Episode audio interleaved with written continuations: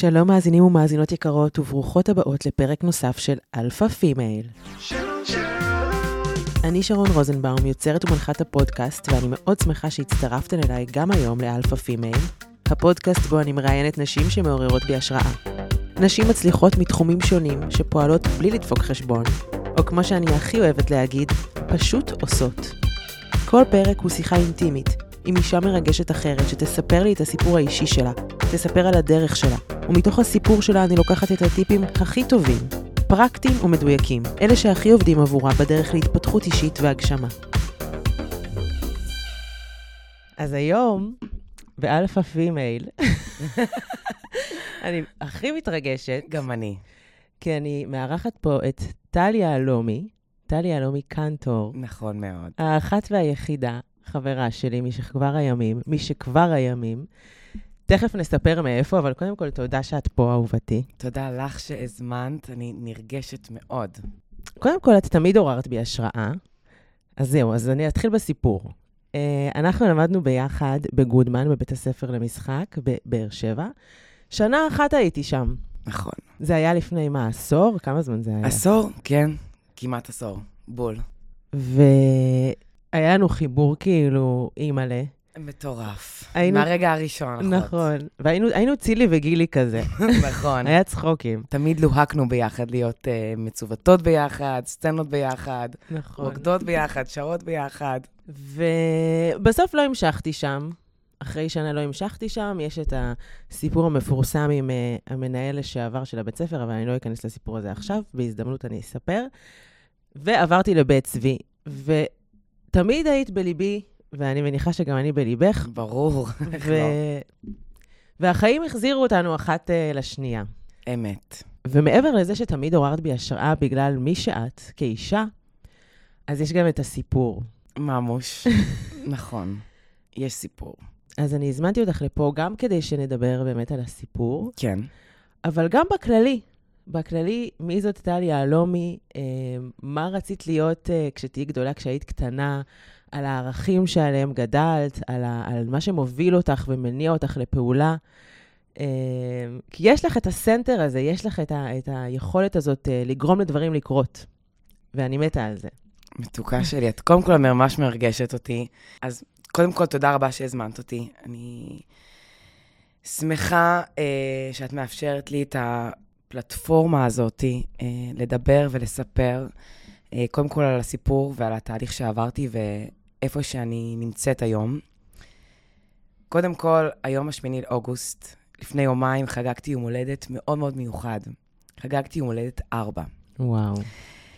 יום הולדת ארבע לחיים החדשים שלי. אז אה, לפני... מרגש. מאוד. לפני ארבע שנים אני עברתי תאונת דרכים. אה, אני חציתי מעבר חצייה. באור ירוק יש לציין, על הקורקינט שלי חבושה בקסדה. ורכב הגיע מצד ימין, עבר באור אדום ודרס אותי. ומאותו בוקר, מאותו יום, החיים שלי נעצרו. מאותו רגע הם לא היו אותם חיים, הכל השתנה. ובעקבות הסיפור הזה, בעקבות התאונה הזאת, אני היום מי שאני. אה, כן, אז החיים שלך השתנו לטוב ולרע. בעיקר, בעיקר לטוב. Uh, באחד מהמפגשים האחרונים שלי עם הפסיכולוגית שלי, היא שאלה אותי אם הייתי יכולה לכתוב את התסריט של החיים שלי. הייתי מכניסה את התאונה, והתשובה האינסטינקטיבית היא, ברור שלא. למה שאני אעבור את כל הסבל הזה, את כל הכאב הזה, את כל השיקום, את כל התהליך המפרך הזה? ובמחשבה שנייה, ברור שכן. היום אני מי שאני בזכות התאונה. הש... התאונה עשתה הרבה דברים, נכון, לטוב ולרע, אבל uh, בעיקר, בעיקר, לטוב. את יודעת, זה מצחיק מה שאת אומרת עכשיו, כאילו, מצחיק, לא, זה לא מצחיק, אבל זה מצחיק כי זה בדיוק משהו שחשבתי היום בבוקר, שמה שהופך אותנו להיות מי שאנחנו, זה בעצם איך שאנחנו מגיבים, איך שאנחנו מגיבות לדברים. אז אני חושבת זה שינה לך את החיים בעיקר לטוב בגלל מי שאת, בגלל איך שאת הגבת לזה. זאת אומרת, מישהו אחר או מישהי אחרת היו יכולים להגיב לזה באופן אחר, והם לא היו יושבים פה עכשיו ואומרים את המשפטים האלה שאת אומרת. יכול להיות. את יודעת, אה, גם סיפור מצחיק, אתמול אה, היה לי אינסטלטור בבית, אה, בחור שחזר בתשובה, ודיבר איתי על הקדוש ברוך הוא ועל השם ועל השם. אני קצת רחוקה מעולם הדת, אני לא מאמינה גדולה, אבל כן מאמינה ב... ביקום, במסרים, ואני מאמינה שהיקום נותן לאנשים סיטואציות להתמודד איתם, שבה הם יכולים לצלוח ולגדול מהם. נכון. אז אני חושבת שפה באמת אה, זה הסיפור שלי. אני כן הצלחתי להתגבר על המשבר, אם אפשר לקרוא לזה משבר, אה, ולצמוח ממנו, ולהיות מי שאני לגמרי. היום.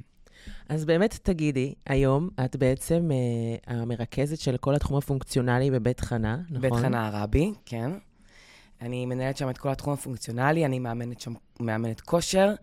אה, אני מאמנת כושר בזכות התאונה. זאת אומרת, לפני התאונה אה, הייתי שחקנית, למדתי משחק איתך בשנה ראשונה בבית ספר למשחק אה, בבאר שבע, אה, גודמן. שם סיימת גם את הלימודים? שם סיימתי את הלימודים, שלוש שנים.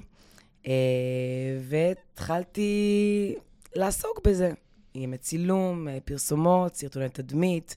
אה, הלופ הזה של ה... הלופ הזה של לנסות להצליח ולהתפרנס מהמקצוע שאותו חלמת, אותו רצית, הילדות, אפרופו שדיברת בהתחלה. כן, שם ראיתי אותי על הבמה, על המסך, אה, בפרונט. אה, ובעצם זה החלום שהמשכת איתו משסיימת את בית הספר למשחק ועד לפני ארבע שנים. נכון, נכון. ניסיתי... כן, אה, הצלחתי להתפרנס בכבוד, מה שנקרא, אה, מהמקצוע, בשילוב עם ניהול מסעדה, כי אין מה לעשות, צריך כסף. זה הולך ביחד? זה הולך ביחד בארץ שלנו, אני חושבת. באופן כללי, בעולם, אבל בפרט בארץ, אה, נורא נורא קשה אה, להתברג בתחום הזה ולעבוד חזק. אז אתה צריך, חייב לשלב את העבודה הזאת. וזה, שם זה פגש אותי. אם אנחנו חוזרות באמת לנקודה הזאת, לרגע הזה, לפני ארבע שנים, אז הייתה תאונה. הייתה תאונה. כמו שסיפרת קודם. כן. ואז את מתעוררת פתאום.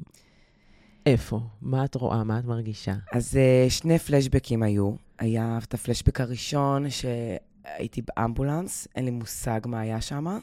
הפלשבק השני היה בבדיקת MRI. הייתי בטוחה שאני נמצאת בחלום, uh, בגלל רעש מאוד מאוד, סאונד מאוד מאוד חזק של הבדיקה. ואז אה, דברים קורים נורא נורא מהר. הייתי מסוממת מכל כך הרבה משככי כאבים בבית חולים, ולידי ארז, בעלי, שהוא, אין לתאר בכלל את העוגן שהוא בשבילי, אה, אחותי, ההורים שלי, ואני מבינה מאוד מהר שהפציעות העיקריות שלי זה בגפה התחתונה, זאת אומרת, שבר פתוח בשוקה הימנית. והפציעה הגדולה זה ששברתי חוליה בצוואר, C5. C5 היא אחראית על כל התפקוד של הגפה העליונה. אני מבינה מהרופא שצריכים להכניס אותי לניתוח חירום, כי כל תזוזה הכי קטנה, כל אפצ'י הכי קטן, יכול לגרום לקרע של חוט השדרה. וואו. אמ, אז מכניסים אותי לניתוח, שאני קרע של חוט השדרה, רק למי שלא uh, מבינה את המשמעות של זה, מה זה אומר? שאני יכולה להיות משותקת ארבע גפיים. וואו. שהמשפחה שלי צריכה להיערך לסיטואציה שבה הם יצטרכו לסעוד אותי במשך כל חייהם. וואו. Uh, באמצע הניתוח, אחד הרופאים יוצא למשפחה שלי ומסביר להם על הפרוצדורה שהייתה בניתוח.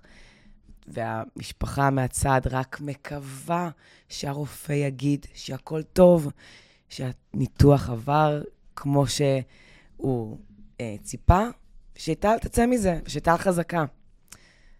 אז למדתי שרופאים מאוד מאוד נזהרים במה שהם אומרים, והוא לא אמר, הוא לא הרגיע מיד.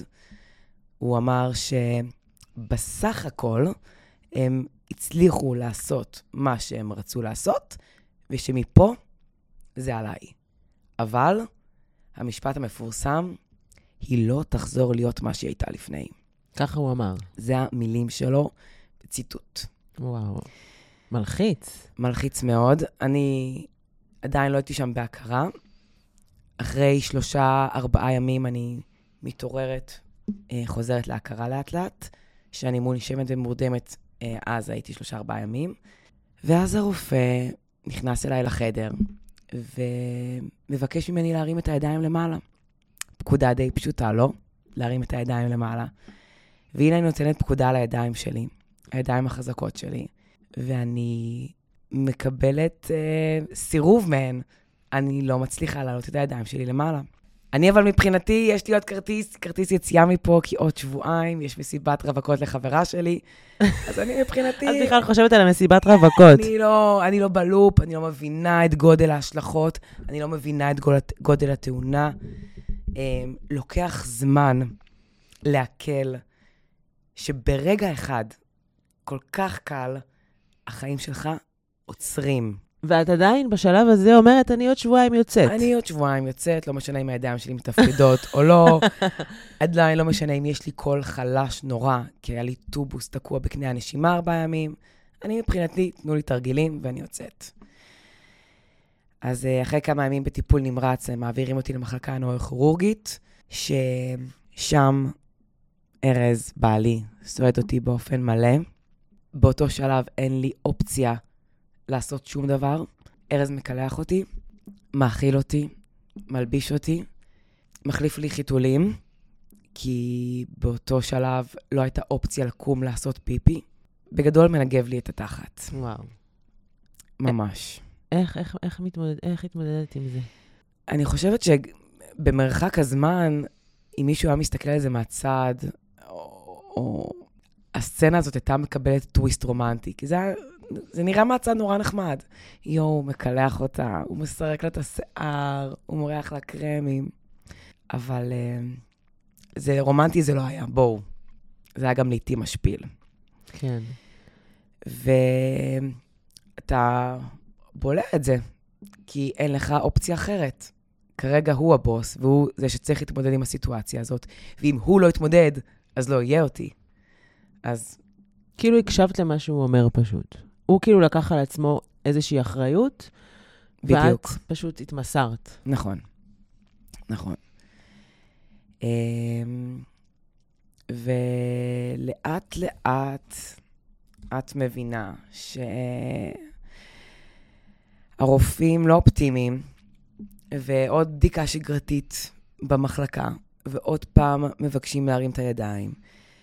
והמילה שיקום נזרקת עוד פעם באוויר, ועוד פעם המילה נזרקת באוויר, ואת לא מצליחה להבין בעצם מה זה אומר. מה זה שיקום? יום, יומיים, שבוע? כרגיל, אני טל מנותקת מהמציאות, חיה בסרט, ועוד שבועיים אני בחוץ.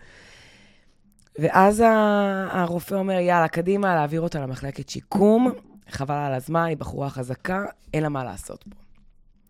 שזה אחרי כמה זמן בערך שאת שם? אחרי שבוע- בדיוק. אחרי שבוע במחלקה הנוירוכירורגית. עברת שזה- למחלקת שיקום. אח... שבוע אחרי, כן, אני במחלקת שיקום. אז מעבירים אותי למחלקת שיקום. הטקס קבלה במחלקה היה מאוד מאוד קשוח. אחות מתחילה לשאול אותך שאלות תפקודיות כדי לדעת איך להתייחס אלייך בהתאם במחלקה. במחלקת שיקום אין, אין מה לעשות, יש סקאלה שלמה עם uh, תפקודים שונים. כדי לדעת איך להתייחס אליי, היא צריכה לדעת מה אני יכולה לעשות בעצמי, ומה אני צריכה עזרה. אה, ולאט לאט, אני, תוך כדי השאלות, מבינה שאני לא יכולה לעשות כלום בעצמי. וואו. אני לא יכולה לאכול לבד. רגע קשוח. מאוד. מאוד. אז תפרטי, מה היא שאלה? היא שאלה, האם את יכולה לאכול לבד? האם את יכולה לקחת בעצמך את האוכל? האם את יכולה ללכת לטיפולים לבד, או שאת צריכה סניטר שיבוא לקחת אותך מהחדר? האם את יכולה להתקלח לבד? האם את צריכה שמישהו ייקח אותך פיזית למקלחת? וככה זה בערך 30 שאלות, ולאט לאט החיוך נופל לי, המוטיבציה יורדת, אני רואה לאט לאט את המסיבת רווקות של מאיה מתרחקת ממני, והטקס תם של השאלות, והנה הפרופסור של המחלקה נכנס, גם לקבל את פניי במחלקה, ושואל אותי, גם מתחיל לשאול אותי שאלות, ומתחיל לבדוק אותי, יחד עם עוד שישה רופאים. אני מאוד מהר חותכת אותו, ואני אומרת לו, תגיד, פרופסור, מתי אני יוצאת מפה? ואז הוא מסתכל עליי בעיניים גדולות, בדרמטיות, ואומר, פה לא שואלים את השאלה הזאת. וואו. ואני כמובן... מה זה לא שואלים את השאלה הזאת? זאת השאלה הכי חשובה. הכי, הכי חשובה, תנו לי, תנו, תנו לי דדליין. אני צריכה לדעת מתי אני יוצאת מפה. החוסר ודאות הזאתי, זה, זה היה מאוד מאוד קשה, אבל אני חושבת שדווקא זה מה שהשאיר אותי ברגעים האלה חזקה. שאני יודעת שיש לי כרטיס יציאה, ושכל השאר לא רלוונטי. מה זאת אומרת? מה זאת אומרת? זאת אומרת שאם הייתי יודעת באותו רגע שיש לי, הולך להיות לי, שיקום ארוך, סביר להניח שהייתי נופלת מהר יותר, שהייתי נשברת מהר יותר. אם היו אומרים לך עכשיו חצי שנה, זה היה כאילו מוריד לך את המוטיבציה. חד משמעית. אוקיי, אז זה, ש... זה שהיה את החוסר ודאות, זה דווקא כאילו נתן לך את הדרייב. מאוד. חד משמעית. מהמם. הבנת שזה כאילו בעצם תלוי בך. הבנתי שזה תלוי הרבה בי. בדיוק. לאט לאט גם האסימונים נופלים תוך כדי הדרך. אה, ואז את, כמובן שהתגובה המיידית שלי למה שהפרופסור אמר הייתה בכי, והוא ממשיך ואומר, גברת, הוא ישר קלט אותי, אין דרמות, פה זה לא תיאטרון. תעבדי קשה, תצאי מהר. והמשפט המפורסם שלא עוזב אותי, הוא אומר, זה לא ריצת ספרינט, זה מרתון. מהמם. עוד קילומטר, עוד הישג בדרך למטרה הסופית. וזה משפט מאותו הרגע שנחקק לי ונצרב לי בזיכרון, ובכל רגע שהייתי נשברת, והיו הרבה מאוד מאוד רגעים כאלה, אה, זה משפט שעזר לי מאוד להתרומם. וואו, זה באמת משפט טוב בהכל אגב, בכל משהו שאת רוצה לעשות בחיים, בכל תהליך, בכל. שיקום. בכל תהליך, ממש ככה. תוך כדי אני כותבת, כן? כל מיני uh, אנקדוטות. כמובן, כמובן. אז בעצם התחלת בשיקום. ואז התחלתי בשיקום, לאט-לאט. אה, ממש ראית איך את כזה מיום ליום משתנה? אז זה באמת תהליך. אה, יש את המפגש הראשון עם הפיזיותרפיסט שלי, המפגש הראשון עם המרפאה בעיסוק. כמובן, מי שלא יודע, פיזיותרפיה זה לגוף, ללכת, וריפוי בעיסוק זה למוטוריקה עדינה, זה לכתוב. ולי לא היה את שניהם, כי היה לי גם שבר ברגל וגם גפה עליונה לא מתפקדת. אז הייתי צריכה להיות מטופלת גם בפיזיותרפיה וגם בריפוי בעיסוק. והמפגשים הראשונים, גם עם- המרפאה בעיסוק וגם עם הפיזיותרפיסט, היו נורא נורא קשים לעיכול, כי אני מבחינתי אומרת להם, תנו לי תרגילים, אני רוצה להשתחרר כמה שיותר מהר הביתה, אני אתן גז, אני אעבוד על זה בחדר, ואני משתחררת.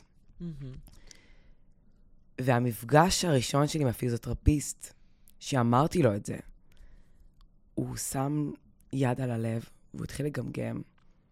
והוא אמר לי, טל, אני, אני לא יודע מה אמרו לך, אבל את לא הולכת לצאת מפה בקרוב. וזו הפעם הראשונה שמישהו אמר לי את זה בצורה כל כך ישירה. ככה, בפנים. ובאותו רגע הלב שלי התרסק. נשברתי. שם אסימון מאוד מאוד גדול נופל. כאילו, עד אותו רגע חשבת שזה עדיין עניין של שבוע-שבועיים כזה? שבוע, שבועיים, אני... תנו לי תרגילים. תנו כן. לי כבר תרגילים. אני רוצה לתרגל ולעבוד. אבל באותו שלב אני לא יכולה לזוז, כן? לוקחים אותי על כיסא גלגלים, הידיים שלי שמוטות, צריכים לעזור לי לקום מהכיסא גלגלים למיטה. כל פעולה שנדרשת היא אפס. אפס. באמת חשוב באמת לה, לה, להבהיר את הסיטואציה שבה אני נמצאת בה. אני לא יכולה לעשות כלום לבד. ואז אה, את נכנסת לאחרי משבר, אחרי בכי, אחרי קושי. את נכנסת למוד של, אה, אוקיי, את מבינה לאט-לאט שאת לא מצליחה לעשות את הפעולות הטריוויאליות שהיית עושה לפני. לפני התאונה הייתי מכורה לאוטריבין. הפעולה של ללחוץ על השפריצר, של לשים לך אוטריבין שתוכלי לנשום, את לא יכולה. את לא יכולה אה, ללחוץ על השפריצר של הבושם, כדי שתוכלי להריח טוב יותר במקום המסריח הזה. את לא יכולה ללחוץ על הכפתור של מברשת שיניים החשמלית. לעשות קוקו. את לא יכולה לעשות קוקו בעצמך, שזה הדבר הכי טריוויאלי שיש לנשים. השיער שלהם, זה הכוח שלי. וכשמישהו אחר נוגע לך בשיער, וואי, וואי, וואי, וואי, וואי, וואי, וואי. ארז היה מסכן, ארז היה ספוג. אמ, אז את אומרת, אם אני לא אתרגל, אני לא אצא מפה. אם אני לא אעבוד, אני לא אשתחרר הביתה. והתרגילים הטיפולים של החצי שעה, שעה ביום, זה לא מה שיוציא אותך ממחלקת שיקום מהר. אוקיי. את צריכה לקחת את התרגילים שעבדת עם המטפל, ולתרגל במהלך כל היום. כל היום? כל היום, וזה מה שאני עושה. חברים ומשפחה באים לבקר אותי במחלקה, ותוך כדי אני פותחת וסוגרת את הידיים כדי לתרגל. אימא שלי קונה לי פלסטלינה כדי לעבוד על המוטוריקה העדינה. היא מחביאה לי בתוך הפלסטלינה מטבעות, כדי שאני אה, אמצא אותם, שאני אצטרך לעבוד על. באצבעות שלי, על הכוח, ולמצוא אותם.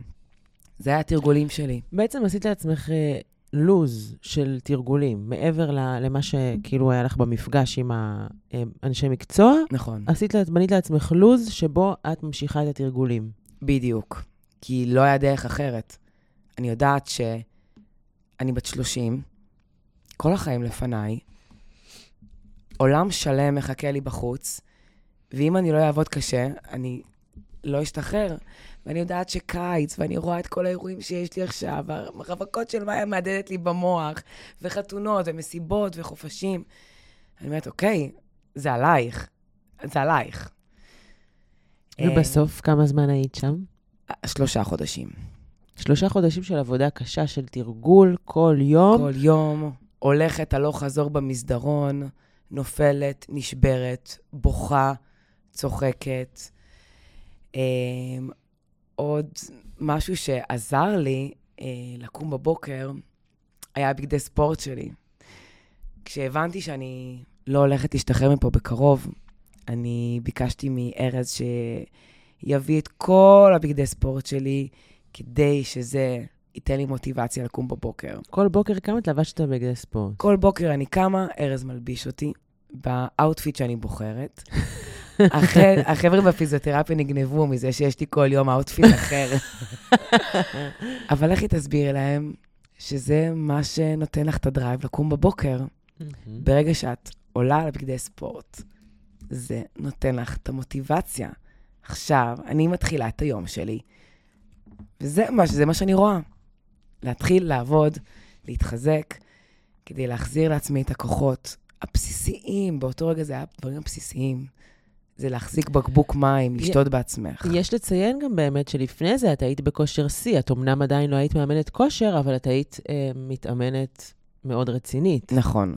אז זה כאילו היה פער גם מאוד גדול מלהיות בכושר שיא לפתאום להיות בשיקום. וזה בדיוק מה ש... זה...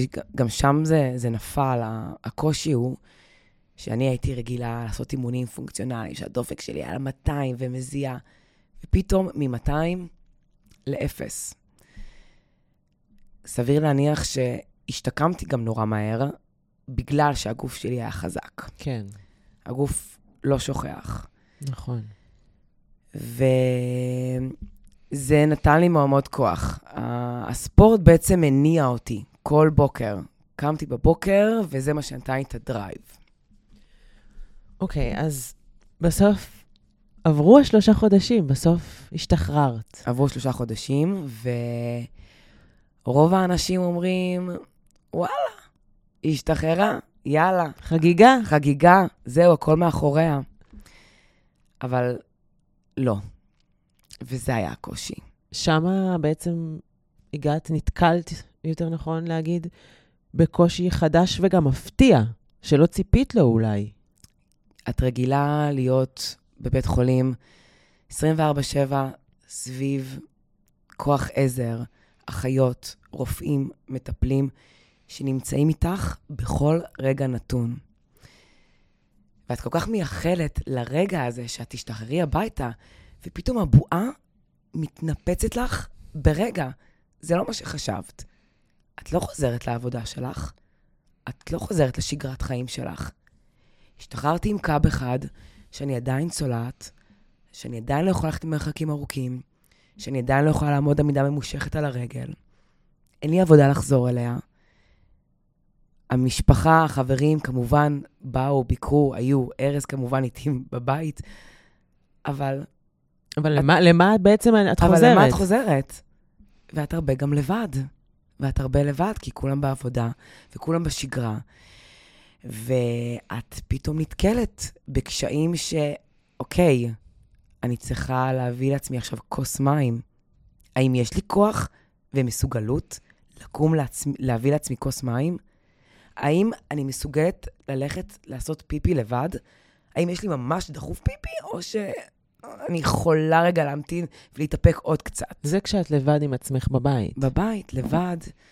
אני חושבת שזה נשמע שבעצם ברגע הזה שהשתחררת, אז את כאילו חווית קושי שהוא מסוג אחר, שהוא יותר מנטלי, יותר תחושה של בדידות, זה קושי שהוא שונה לחלוטין מהקושי הראשון שחווית, שהוא יותר אולי פיזי, תקני אותי אם אני טועה. זה, זה, אני חושבת שזה שילוב בין השניים. מעבר לזה, שמעבר המנטלי, אני מדברת גם על הכאבים הפיזיים, אבל גם החוסר מסוגלות לעשות דברים טריוויאליים שהיית עושה לפני, בשנייה. נגיד השלט של הטלוויזיה רחוק ממני, יואו, עכשיו זה סרט. לקום, לעמוד, להשתמש. מה יש לידי שאני יכולה להתמך בו כדי לא ליפול? האם הרגל שלי מספיק חזקה לעמוד בעומס ללא עזרה מהקאב? אז השאלות האלה פתאום עולות, ואת מפחדת. את מפחדת שזה מה שהולך להיות בזמן הקרוב. את מפחדת מה, מההווה, וזה מלחיץ.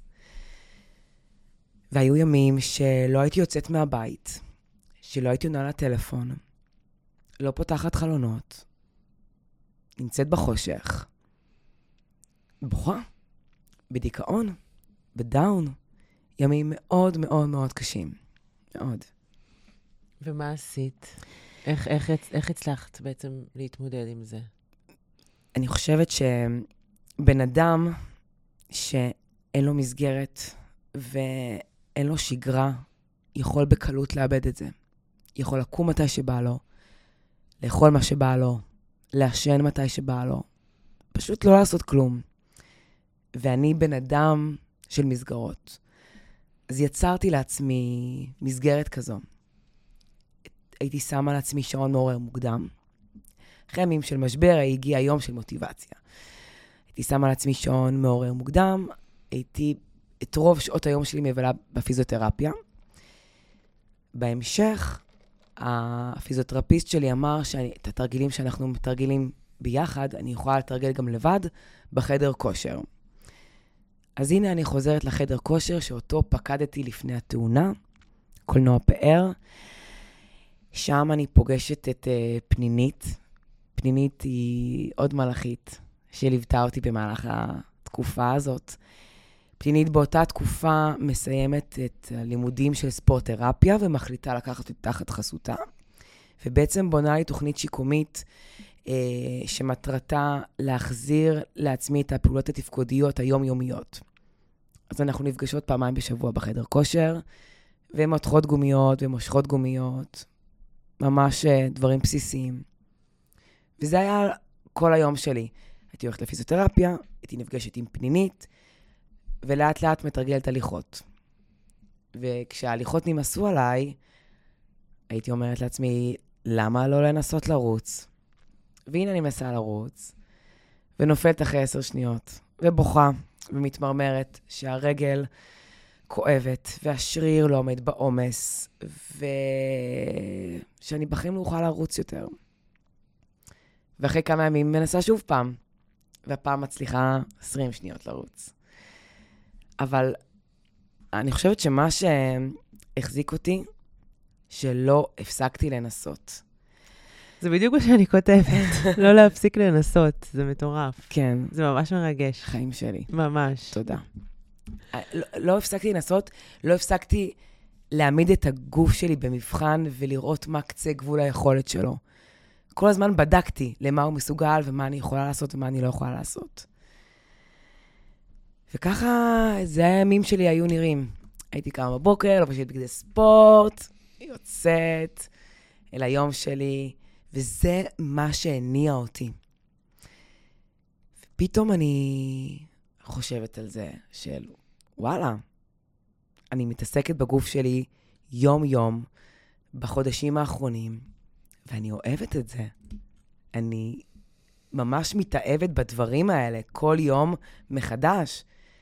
פתאום אני מגלה שאני מצליחה להרים בקבוק מלא מים ולא בקבוק ריק. המשקל הקליל הזה שאנחנו לוקחים בקבוק ואומרים, הנה, זה קל.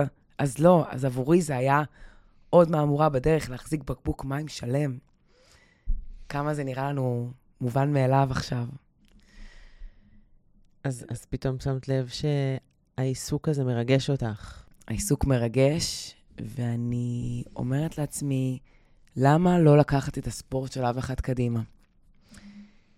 ואני אומרת לעצמי, אולי זה גם יכול להיות סיפור מעורר השראה עבור אותם אנשים שהיו במקום שלי, אולי לתת להם תקווה לשקם את עצמם.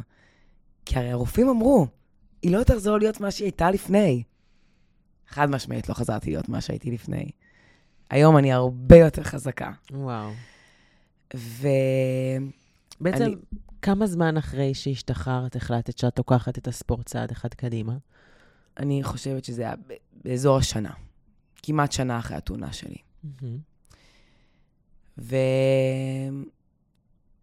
וכמובן שאני מתייעצת עם מלא אנשים, כן, לא, מה, אני אשנה עיסוק, אני שחקנית, אבל למדתי, אבל זה החלום שלי. מלא מלא שאלות, ו...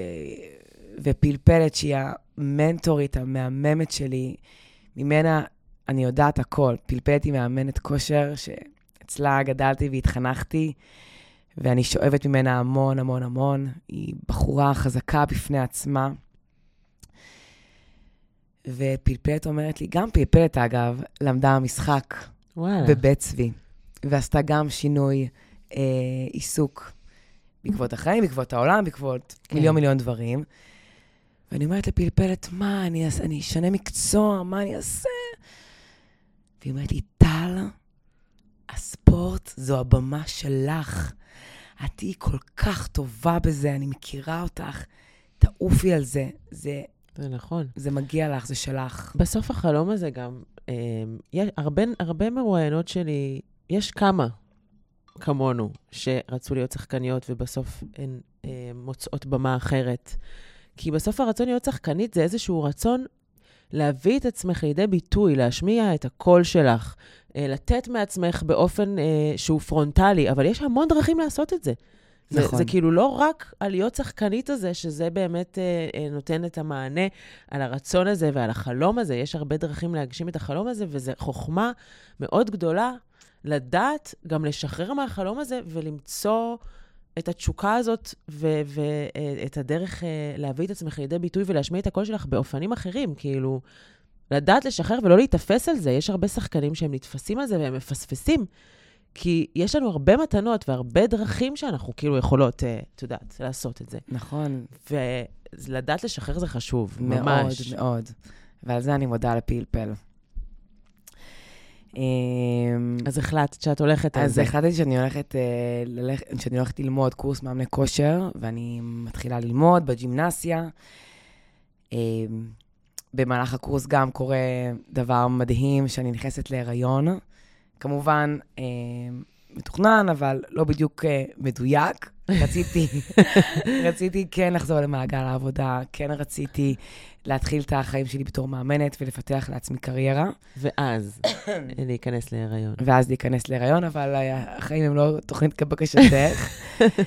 ואני נכנסת להיריון, ואני מודה באמת לעולם ששלח לי את עמליה, הבת שלי, שהיום היא בת שנה ושמונה. היום, היום, היום בת שנה ושמונה. יואו, היום, היום? היום שנה Oh ושמונה, God. יפה שלי. אמ, ואני מסיימת את הקורס, ומתחילה לאמן אימונים אישיים. ו... מה זה אימונים אישיים? רוצחת. רוצחת. נכון, זה כיף. זו התמכרות, זה, זה דרך חיים, זה, זה פשוט, אני לאט לאט מבינה שזה הייעוד שלי. אני מתרגשת לא לעזור, אלא פשוט לתת אה, מוטיבציה ואנרגיה לאנשים ולחזק אותם, ופתאום אני מקבלת פידבק בחזרה. טל, וואו, תודה. פתחתי את היום. טל, עזרת לי. טל, אה, את לא מבינה מה עשית לי. פתאום אני מבינה שאני אני, אני, אני טובה במה שאני עושה. מאוד. ולאט לאט אני מתפתחת. ואפרת כהן, עוד חברה מאוד מאוד טובה, שפתחה לי פתח אה, לעבוד בבית חנה הרבי. אפרת כהן היא יזמית בתחום הכושר, מאמנת ריצה ומאמנת כושר, ויש לה גם תוכנית אונליין של אה, לומדת לרוץ. ואפרת כהן אה, אה, שאלה אותי באותה תקופה, לפני שנה, אה, כשפתחו. שפתחו את בית חנה הרבי, אם אני מעוניינת לאמן בבית חנה. ואני אומרת לה, מה, אבל אין לי ניסיון, אני חדשה בתחומי. והיא אומרת לי, טל, אני יודעת בדיוק לזהות אנשים, אני יודעת לזהות בדיוק פוטנ- פוטנציאל, והיא האמינה בי. היא לקחה אותי ללא ניסיון, לאחד הסטודיו הכי חזקים בעיר, עם השם האחד החזקים בעיר, והנה אני מתחילה לאמן שם, ואני פשוט נמצאת בזון שלי, בטריטוריה שלי, מתחילה לפתח לעצמי קריירה, מתרגשת לקום כל בוקר לעיסוק שאני אוהבת, ועל הדרך גם מתפרנסת. איזה קטע. לקום כל בוקר לדבר שאת אוהבת, שנותן לך מוטיבציה בעצמך, ואשכרה את מקבלת כסף על זה? זה הגיוני? לא יכול להיות, לא יכול להיות שמישהו יעיר אותי מהחלום הזה. בבקשה. כל בוקר אני מודה לאלוהים, לאלוהים. שוב, אמרנו שאני לא מאמינה גדולה, אבל לעולם, ליקום, תודה, תודה. ש- ששלח לי את המהלכים הקטנים האלה בדרך, תודה על התאונה, תודה על הדברים האלה, שבזכותם אני עושה ועוסקת במה שגורם לי מדהים. הנאה, זה אושר. מדהים. מטורף. ממש. ו... וזהו, וזה אני, בזה אני מתעסקת היום. ועוד משהו שלא ציינת, אבל אני אציין, אה, שגם את אה, התחלת לספר את הסיפור שלך אה, להרצות בעצם, שיש לך הרצאה שכבר אה, פעמיים עשית את זה בבית חנה. תספרי. נכון. אז אה, כשהשתחררתי מבית החולים, התחלתי לכתוב גם. זה היה גם סוג של אה, תרגול בשבילי, להקליד על המקלדת עוד משהו שאנשים חושבים שזה מובן מאליו. להקליד, לתקתק באצבעות, מוטוריקה עדינה, עבורי באותו שלב היה, היה לא אפשרי. אז התחלתי לכתוב על הסיפור, על הקשיים, על השיקום, על הסבל, על הזוגיות, על השחרור, על הימים הטובים והימים הפחות טובים, על התהליך. ואז כשהשתחררתי, אמרתי לעצמי, וואו, זה יכול להיות מגניב. אני אצא, אני אספר לאנשים על, הדבר שזה שעברתי ועל הדרך שעברתי, וכן, על הדרך לתת השראה ומוטיבציה לאנשים, ושזה יכול לפגוש אותם בכל נקודה שנמצאים. אחד יפגוש אותה, זה יפגוש אותו בזוגיות, ואחד זה ייתן לו פרופורציה לחיים, ואחד זה יעזור לו לקום בבוקר להתאמן. וזה ישב לי בלפטופ שנתיים וחצי בערך, עד שהחלטתי לקחת את זה ולהתחיל בעצם אה, לצאת עם לצאת זה. עם זה. תראי, זה, זה קונפליקט, זה קונפליקט, כי כל הזמן יש קולות קטנים שמשתקים אותך. מהמם. אני אעשה את זה, האם זה הזמן המתאים? לא, למה לך? לא. כאילו, אני פותחת את המחשב, אני מתחילה להקליט, ואז פתאום אני מתחילה לבכות, סוגרת את הלפטופ. לא, לא, לא, זה מפחיד מדי, זה, אין צורך, זה מחזיר אותי אחורה. לא, זה לא הזמן המתאים. כל הזמן יש קולות כאלה ש... תעשי, לא תעשי, תעשי, לא תעשי. והנה, אני מחליטה לעשות צעד אה, כזה, ואני מתייעצת עם המנהלת המקצועית של אה, בית חנה, יערה, שנתנה לי את הפלטפורמה אה, ואת המוטיבציה, ואמרה, היי, טל, בואי נדקור יום להרצאה. אין, רק ככה זה עובד. בואי נשים דדליין, בואי נשים תאריך, ואז זה קורה. בדיוק. ויערה המהממת הזאתי, שהיא ילדה לפני חודשיים, אהובה שלנו, אומרת לי, קדימה, דוקרים, ואני אומרת לה, מה, לא, מה, אבל רגע, זה לא מוכן, איך אני אעלה? ואמרתי, טלו, ברגע שיש לך את היום, את תתכוונני לזה, וזה יקרה. והנה אנחנו דוקרות יום, והיום מתקרב, ואני מחליטה לקחת עוד אישה חזקה בפני עצמה. שהייתה פה גם בפודקאסט. מעיין לוי המהממת. אה, מעיין לוי, מל- חלק מה... היותה אישה מדהימה וחזקה בפני עצמה, היא גם מלווה הרצאות, והיא עוזרת לי בתהליך, אה, בבניית דרמטורגיה של הסיפור אה, ובניית המצגת, ועושה איתי הכנות לקראת היום המרגש. חזרות, חזרות, וכן, חזרות לכל דבר. לגמרי. זו הצגה לכל דבר. לגמרי. אמנם זה הסיפור שלך, אבל עדיין צריכה להתכונן ברור, לדבר בסוף הזה. את עומדת על במה ומספרת את הסיפור שלך. וזה כל כך, כל כך חשוף. תמיד אנשים אומרים, אה, זה קל עבורך, שחקנית, מה, זה piece of cake. אז חברים, גם לבחורה שאין לה פחד קהל, ומישהי שעשתה הצגות בחייה, זה הקישקע בחוץ, זה הקרביים שלך, זה להיות במקום הכי חשוף, ולספר את הדברים הכי הכי קשים, שבסופו של דבר את uh, נחשפת, ואת במקום הכי רגיש שלך, אבל uh, כן, את עדיין צריכה להיערך לזה בהתאם. והנה אני עולה לדבר הזה, ומתרגשת, וכולם מתרגשים ביחד איתי. ו... וזהו, וזה היה מדהים.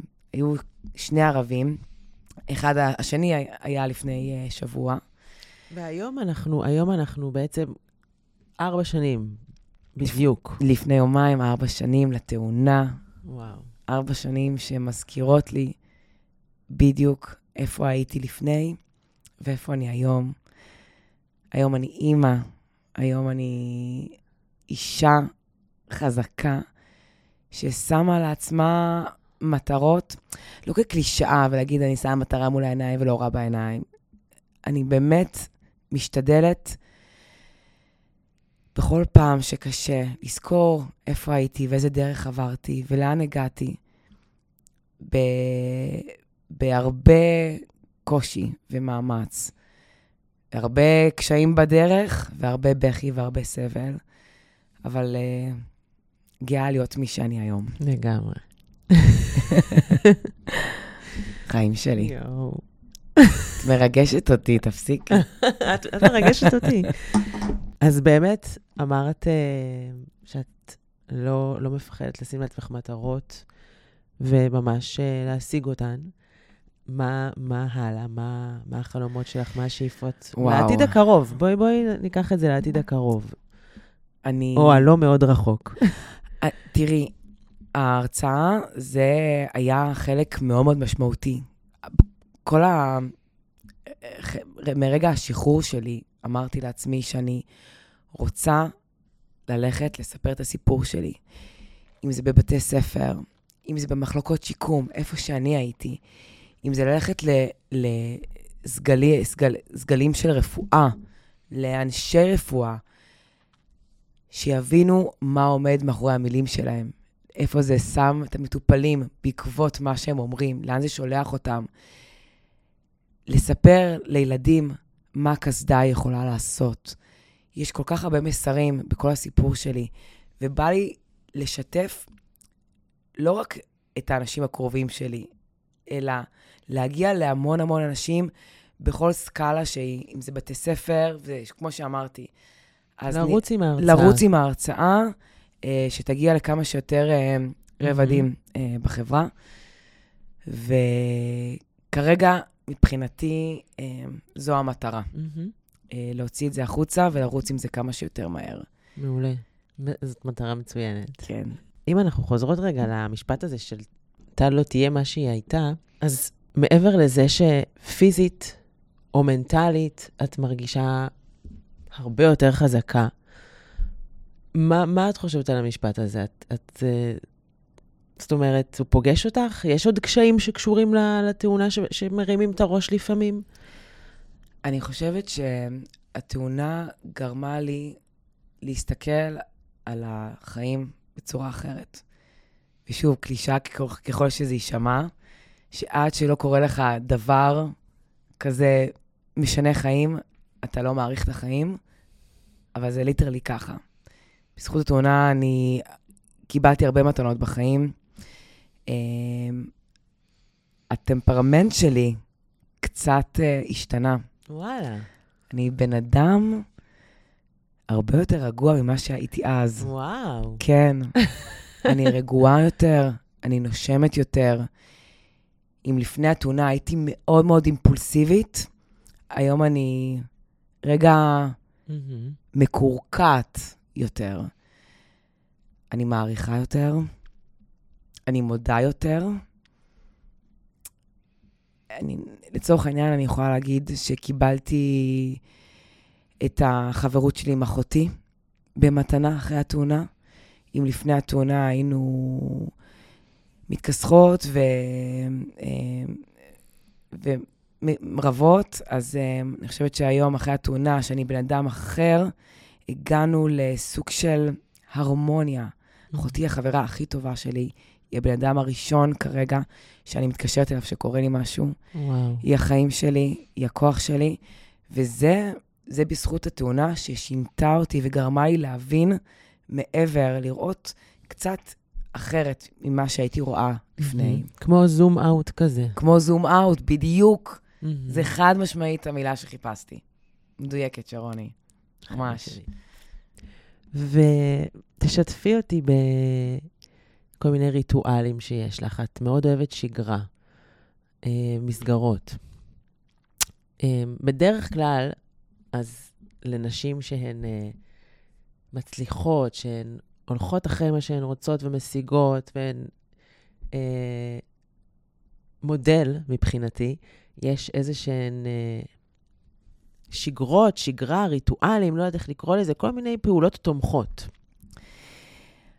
אז אה, הטמפרמנט שלי השתנה, בין, לצורך העניין, במובן שאני קמה בבוקר, לצורך העניין, אני מתחילה לאמן כבר בשבע, אני שמה שעון מורה לחמש וחצי, כדי שאני אוכל לשתות את הקפה שלי ברוגע, בישיבה, ולא תוך כדי התארגנות. Mm-hmm. אני מקפידה כל בוקר לשתות את הקפה שלי לצלילי גלגלצ, לא לפני שאני מדליקה נר, עם כמה טיפות של שמן הטרי, ככה אני מתחילה את, הכל, את הבוקר שלי. וזה, כיף. שזה מדהים, כל בוקר. זה חדש? לא, מאז התאונה. מאז התאונה. אז זה כן, כן זה, זה נכון, כאילו נחשב כן, חדש. כן, כן, כן, לגמרי. ממש בול, כן, כן. אז אנחנו, אני קמה בבוקר, אני מתעוררת, עמליה עדיין ישנה החיים שלנו, וזה הזמן של אימא, שלי, של עצמי. להתעורר בנחת, בשקט, הציפורים מצייצות, לאט לאט השמש עולה. אז מתי את הולכת לישון אבל? כולם קמות מוקדם, די, אין לי כוח לזה כבר. נשמה שלי, אני הכי קנאית לשעות שינה שלי ברמות. אני יודעת, אני מכירה אותך. את מכירה אותי, אני לפני עשר במיטה. אה, לפני עשר לפני עשר אני במיטה. מתי? והתפוצ- והתפוצץ העולם. מתי? מתי מה? את נכנסת למיטה. לפני עשר. מה זה לפני? תגידי שעה. רבע לעשר, עשרים. אתמול ספציפית, אימנתי עד תשע וחצי, אז עד שהגעתי הביתה, מקלחת, אכלתי איזה משהו קטן כי גבעתי, אכלתי מעדן, ו-10.35 הייתי במיטה. בקטע כזה. כי אני יודעת שאני קמה היום מוקדם, אני קמה מוקדם לאמן, יש לי לו"ז, אני צריכה לישון את השמונה שעות שלי. די, אין לי כוח. וזה אושר, ממי. זה אושר, כי אני צריכה לראיין מישהי שתספר לי איך אני מצליחה ללכת לישון מוקדם. אני לא מצליחה. אני פשוט... טוב, אני גם אוהבת את הלילה, אבל... זה, את, את צריכה לקום מוקדם, ואז את תהיי מספיק עייפה כדי להירדם מוקדם. את עושה לך במהלך היום את כל המשימות האפשריות, יש לך יום ארוך, עמוס, לנצל את כל היום, את כל שעות היום, כדי להיכנס למיטה מוקדם. את מחליטה, זו החלטה. אני מחליטה היום לישון בתשע וחצי. עושה את כל הדברים, אוכלת ארוחת ערב בשבע, כדי לא להיות רעבה. אה, לא יודעת מה, כוס יין, אה, אה, סיגריה, מה שאת אוהבת לעשות. שומעת איזה פודקאסט כיפי, רואה איזה תוכנית טרש לנקות את הראש, וסוגרת את הטלפון, סוגרת את הטלוויזיה, נכנסת למיטה. שלום על ישראל. As simple as that, שרון. היא, היא פה נמתחת, טוב, בסדר. היא מנסה להקל. כן, כי כולם הולכות לישון מוקדם, וזה נורא קשה לי. זה חלום. אני רוצה לספר לך, וואו, כבר אה, עברו 52 דקות. זה הזמן, זה הזמן שלי לספר לך כן. מה כתבתי, מה אוקיי. רשמתי תוך כדי שדיברת. רשמתי הרבה דברים, כי הסיפור שלך ואיך שאת פעלת, יש הרבה מה ללמוד מזה. מלא. אמ, אז קודם כל, משהו שהוא הוא גם חוזר על עצמו, ואני כל פעם אגיד אותו, העניין שלה זה לא ספרינט, זה מרתון, אז זה תמיד חוזר, אותה הגברת בשינוי אדרת. baby steps, צעד אחר צעד, לקחת את הדברים בצעדים קטנים, לא ספרינט. מרתון זה כל דבר ככה, כל באמת, כמו שאמרנו, כל תהליך. אז אני כל פעם אזכיר את, ה, את הטיפ הזה. רשמתי לדעת להתמסר. אגב, אני יכולה להגיד אה, תגידי, ברור, את יכולה. בתגובה אה, ללא ספרינט מרתון, כן. אני חושבת שגם אחד מהדברים שיוצאים מהמשפט הזה, זה ליהנות מהדרך, להבין את הדרך. נכון. הרבה פעמים אנשים רואים מטרה, והם יעשו הכל כדי להשיג את המטרה, אבל הם מפספסים משהו, נכון. הם מפספסים את הדרך. את ממש הם צודקת. מפספסים את התהליך, וזה אחד הדברים החשובים. להבין שעוד קילומטר זה עוד ניצחון קטן בדרך להשיג את המטרה הגדולה, אבל הוא לא פחות חשוב מהמטרה הגדולה. ושפתאום אני עכשיו מצליחה לקחת אה, בקבוק ולהפריד את הפקק מהבקבוק שלו, זה עוד ניצחון קטן שהצלחתי בדרך שלפני כן לא הצלחתי לעשות אותו. ואת זה אני רוצה אה, להזכיר לצופים, וואו. למקשיבים שלנו. לגמרי, את הדרך, לא, לא, לא ל... ליהנות ממנה, לחלוטין. ממש. להעריך אותה. זה חשוב לגמרי. Yes. רשמתי לדעת להתמסר, כי זה, זה גם משהו שצריך לדעת. לא, לא כל אחת יודעת להתמסר. אנחנו הרבה פעמים אה, מכווצות, או רוצות אה, להיות בשליטה, ו... ו... ספרי לי על זה. בן אדם שהוא freak control. את יודעת מה זה לבקש מבעלך שיאכיל אותך? ורק את יודעת איך לשים את, ה, את הדברים שאת רוצה לאכול בארוחת בוקר בדיוק בכפית. את הגבינה, את האבוקדו, את, ה, את החביתה. לכי, תגידי לו מה את רוצה שיהיה בדיוק בכפית. זה סיוט. בן אדם שהוא freak control, שצריך שיסעדו אותו כל החיים שלו, כל ההתחלה שלו, כל השיקום שלו, זה התמסרות מאוד מאוד גדולה. לגמרי. אז שוב, אני לוקחת מהסיפור שלך ומשליכה את זה על החיים עצמם, לדעת להתמסר, לפעמים צריך לדעת להתמסר, לשחרר, לתת לדברים להיות, לתת לדברים לקרות בדרך שלהם, לא בדיוק כמו שאני תכננתי. גם כמו שדיברנו על המשחק, לדעת לשחרר, לדעת להתמסר למה שהיקום נותן לי. אני רציתי להיות שחקנית, היקום נותן לי משהו אחר, אני צריכה לראות את מה שמציעים לי ולקחת את זה בשתי ידיים, לדעת לשחרר ולהתמסר. זה ממש ממש חשוב. נכון. אחרת אנחנו יכולות למצוא את עצמנו תקועות. זה ממש נכון. אמ, זה מתקשר גם לעניין של אמ, החוסר ודאות. אז אם אנחנו מתמסרות לחוסר ודאות, אנחנו יכולות גם לקחת את זה ולהפוך את זה לאיזשהו drive. זאת אומרת, את הבנת שאת לא, לא יודעת מתי את הולכת לצאת, יש פה חוסר ודאות, את מתמסרת ש... לתהליך הזה, למה שקרה, למה שקורה, אבל את עם המוטיבציה, זה נתן לך מוטיבציה ודרייב לראות מה הולך לקרות, לראות איך את הולכת להתגבר על זה. נכון, כי אין לך ברירה. אין לך ברירה אלא. Mm-hmm. שם את נמצאת בסיטואציה שאומרים לך, נשמה, זה עלייך. אם לא את, בהצלחה. נכון.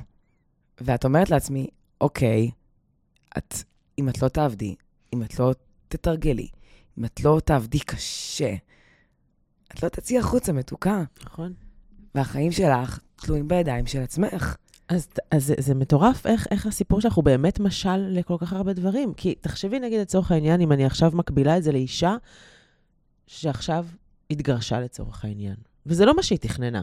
כן. אבל ככה החיים קרו. לקחו אותה. ובסוף היא עכשיו מתגרשת, אז אם היא לא תדע לשחרר, לשחרר, לא להילחם עכשיו על מערכת יחסים לא טובה, היא משחררת.